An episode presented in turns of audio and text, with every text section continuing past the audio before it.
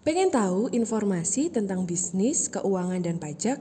Dengerin terus di Cash, The Consulting Podcast, agar kamu selalu update informasi seputar bisnis, keuangan, dan pajak. Stay tune!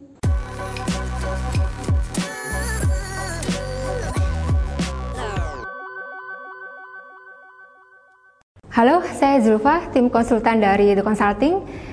Dalam video kali ini kita akan membahas tentang bagaimana sih cara membuat invoice yang benar. Oke, langsung saja kita membahas terkait bagaimana sih cara membuat invoice yang benar itu. Dalam membuat sebuah invoice penjualan, itu tidaklah sulit untuk dilakukan. Terdapat beberapa unsur-unsur yang harus dipenuhi dalam membuat sebuah invoice. Unsur-unsur atau komponen-komponen apa aja sih yang perlu diperhatikan? Yang pertama, pemberian kata invoice itu sendiri yang digunakan sebagai judul suatu dokumen yang menunjukkan bahwa dokumen tersebut merupakan invoice. Yang kedua, nomor invoice. Nomor invoice digunakan untuk mengurutkan suatu tagihan dari yang satu dengan yang lainnya. Selain itu, nomor invoice juga bisa memudahkan admin untuk melakukan proses arsip invoice. Ingin usaha Anda autopilot? Ingin ekspansi dan membuka lebih banyak cabang? Dapatkan video series 10 kunci sukses menerapkan SOP di dalam perusahaan yang bisa diterapkan di bisnis Anda agar dapat terus berkembang dan berkelanjutan. Kunjungi www.theconsulting.id slash 10 strip kunci strip sukses strip SOP. Yang ketiga, nama dan detail alamat pembeli. Poin ini harus ada karena digunakan sebagai dasar bahwa invoice ini akan ditujukan kepada siapa dan bisa ditambahkan detail alamat pembeli apabila dalam transaksi tersebut terdapat fasilitas pengiriman kepada customer. Yang keempat, nama penjual.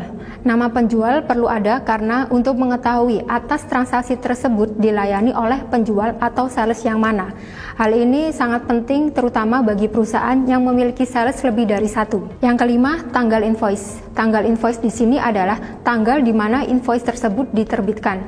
Jadi untuk mengetahui transaksi tersebut terjadi di tanggal berapa. Serta untuk menjadi patokan jatuh tempo customer apabila customer melakukan pembelian dengan menggunakan sistem pembayaran kredit. Yang keenam, ketentuan pembayaran terdiri dari metode pembayaran. Apakah customer menggunakan metode pembayaran kredit atau cash? Dan juga untuk mengetahui kapan customer tersebut melakukan pembayaran. Yang ketujuh, deskripsi produk.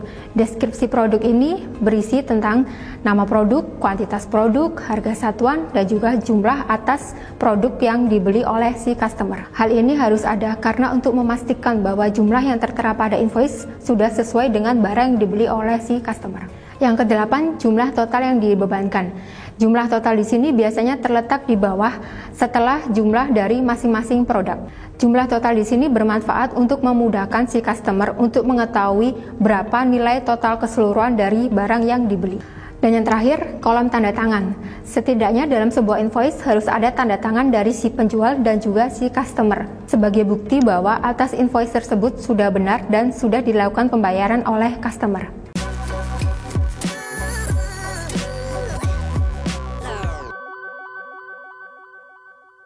Terima kasih sudah mendengarkan Tikes. Sampai jumpa di episode berikutnya ya.